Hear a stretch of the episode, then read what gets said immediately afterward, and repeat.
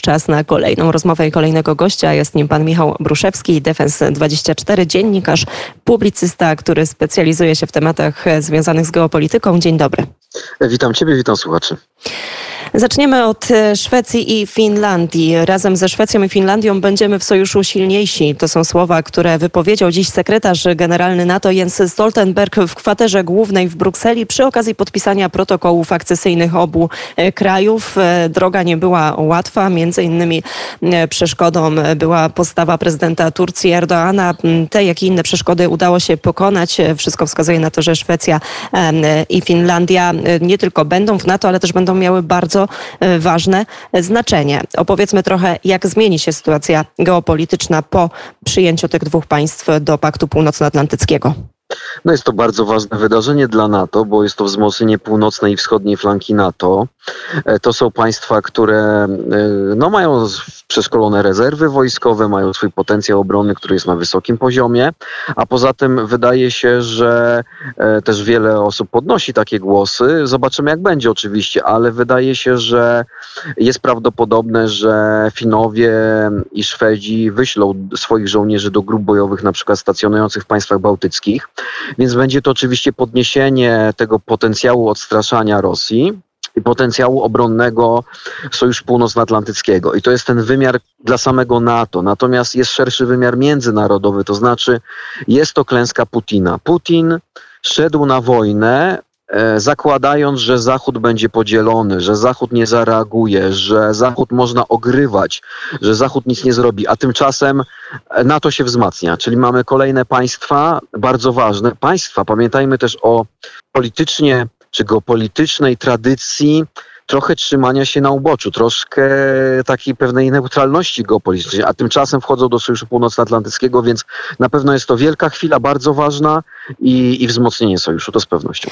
No i można też e, troszeczkę powiedzieć, że ta sytuacja no nieco tak zakpiła z Władimira Putina, który cały czas przyjmował e, taką narrację, że to NATO zbliża się do granic e, Rosji, dlatego ona się musi bronić. No teraz, jeżeli weźmiemy tylko pod lupę samą Finlandię, no to do tej pory Rosja dzieliła z NATO granicę liczącą bodajże tam nieco ponad 1200 kilometrów. Kiedy dojdzie Finlandia, to już będzie ponad 1300 kilometrów tej nowej granicy. No i ponadto fińskie e, siły powietrzne, e, które są bardzo mocne i wywiad, e, który należy do jednego z najbardziej zaawansowanych w Europie. To jeszcze tak tutaj dodatkowo, ale już teraz przechodzimy do Ukrainy.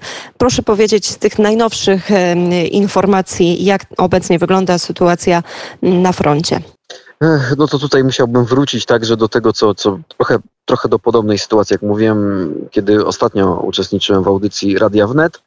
E, że mamy trzy ogniska walk. Pierwsze, mm, pierwsze to jest front południowy, gdzie trwa kontrofensywa wojsk ukraińskich, powolna, ale skuteczna. To znaczy e, te walki przy odbijaniu miejscowości, może te, te, to odbijanie to nie jest takie spektakularne, bo mniej o tym czytamy, natomiast ma miejsce. Kolejne miejscowości są odbijane na froncie południowym. Tutaj także trzeba podkreślić, że na, zwłaszcza na tych terenach okupowanych na południu przez wojska, które wyszły z Krymu, okupowanego przez Rosjan, przez wojska rosyjskie, na tych terenach działa ukraińska partyzantka, ukraińskie podziemie zbrojne, kolaboranci, którzy chcieli wejść w jakąś współpracę e, z Rosjanami i pomagać im w prześladowaniu e, narodu ukraińskiego. Pamiętajmy, że na tych terenach jest po pierwsze głód, ale ludzie są porywani, torturowani, kobiety są gwałcone, sytuacja jest dramatyczna, więc z każdym dniem wzrasta tak naprawdę właśnie wzrasta, wzrasta możliwość działania tego podziemia zbrojnego, które po prostu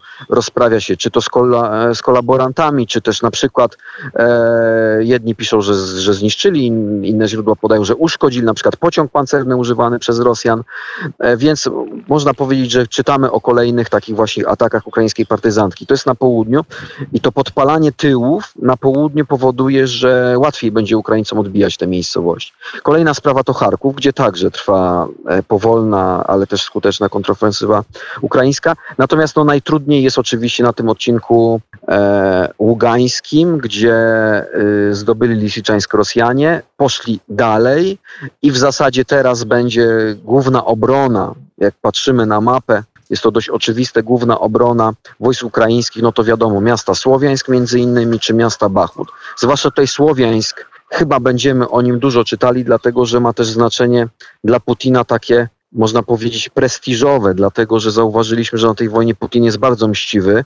No chociażby los Mariupola, który obronił się przed separatystami, jak była rebelia separatystyczna na wschodniej Ukrainie i Mariupol został zrównany z ziemią. Jest ryzyko niestety, że Słowiańsk e, także będzie bardzo zaciekle atakowany, dlatego że ze Słowiańska także udało się separatystów lata temu wygonić i Rosjanie to pamiętają, prawda? I Putin to pamięta i, i więc jest, no, jest taki strach, że, że po prostu ten Słowiańsk będzie zaciekle atakowany, zwłaszcza no, tutaj ludność cywilna będzie w trudnym położeniu. Więc, e, ale też z drugiej strony, jeżeli mogę jeszcze jedno zdanie powiedzieć, to e, Proszę, Rosjanie tak. zajmowali, tak, Rosjanie zajmowali Lisyczańsk koncentrując swoje siły. Po prostu uderzyli na miasto, to miasto zaj zajęli, to miasto próbowali otoczyć i od to było, w, można powiedzieć, w małym rejonie skoncentrowane siły rosyjskie. Teraz muszą te siły rozproszyć, dlatego że jak spojrzymy na mapę, gdzie jest Słowian, gdzie jest Bachmut, no to zobaczymy, że e, już e, to nie będą takie skoncentrowane uderzenia, one są niemożliwe, dlatego że po prostu e, no, to, to, to, ten teatr działań jest, jest po prostu dłuższy, jest szerszy i, i te walki no, już nie, nie są walkami o jedno miasto, tylko o cały front.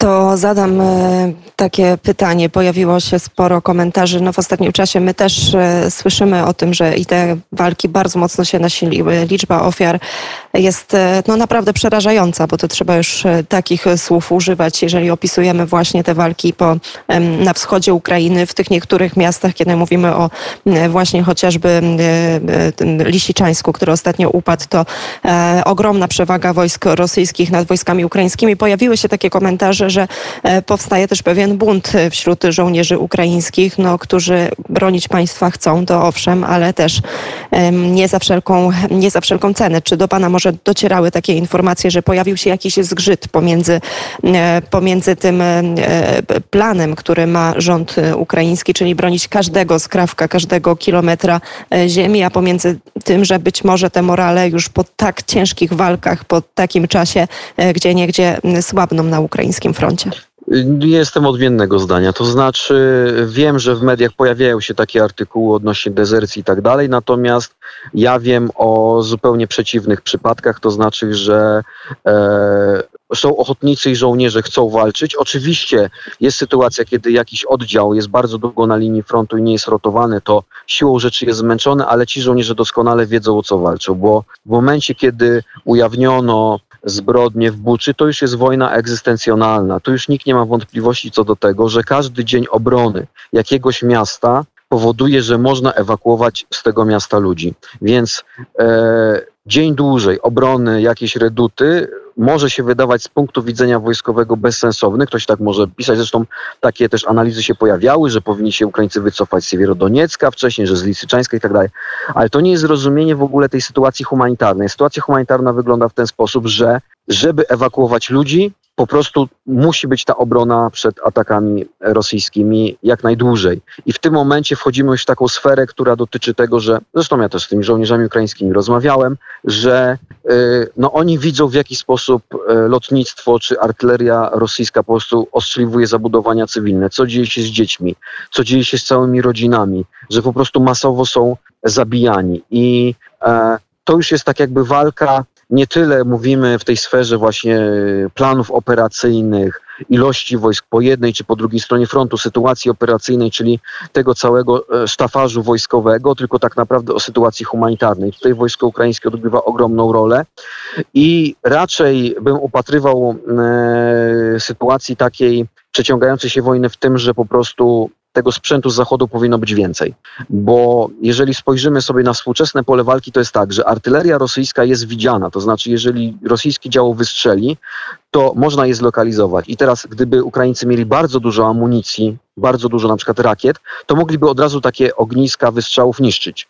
I do tego właśnie trzeba dążyć, żeby tego sprzętu z zachodu docierało jak najwięcej, bo w tym momencie są w stanie e, takim kontruderzeniem po prostu gasić zwłaszcza te, zwłaszcza te uderzenia artyleryjskie, artyleria lufowa, rakietowa rosyjska, która po prostu niszczy te miasta.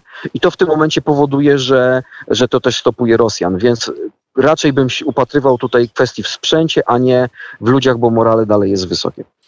I to jest dobry moment, aby tutaj postawić kropkę. Michał Bruszewski, Defens24, publicysta, dziennikarz, który zajmuje się polityką zagraniczną, geopolityką. Bardzo serdecznie dziękuję za rozmowę. Dziękuję.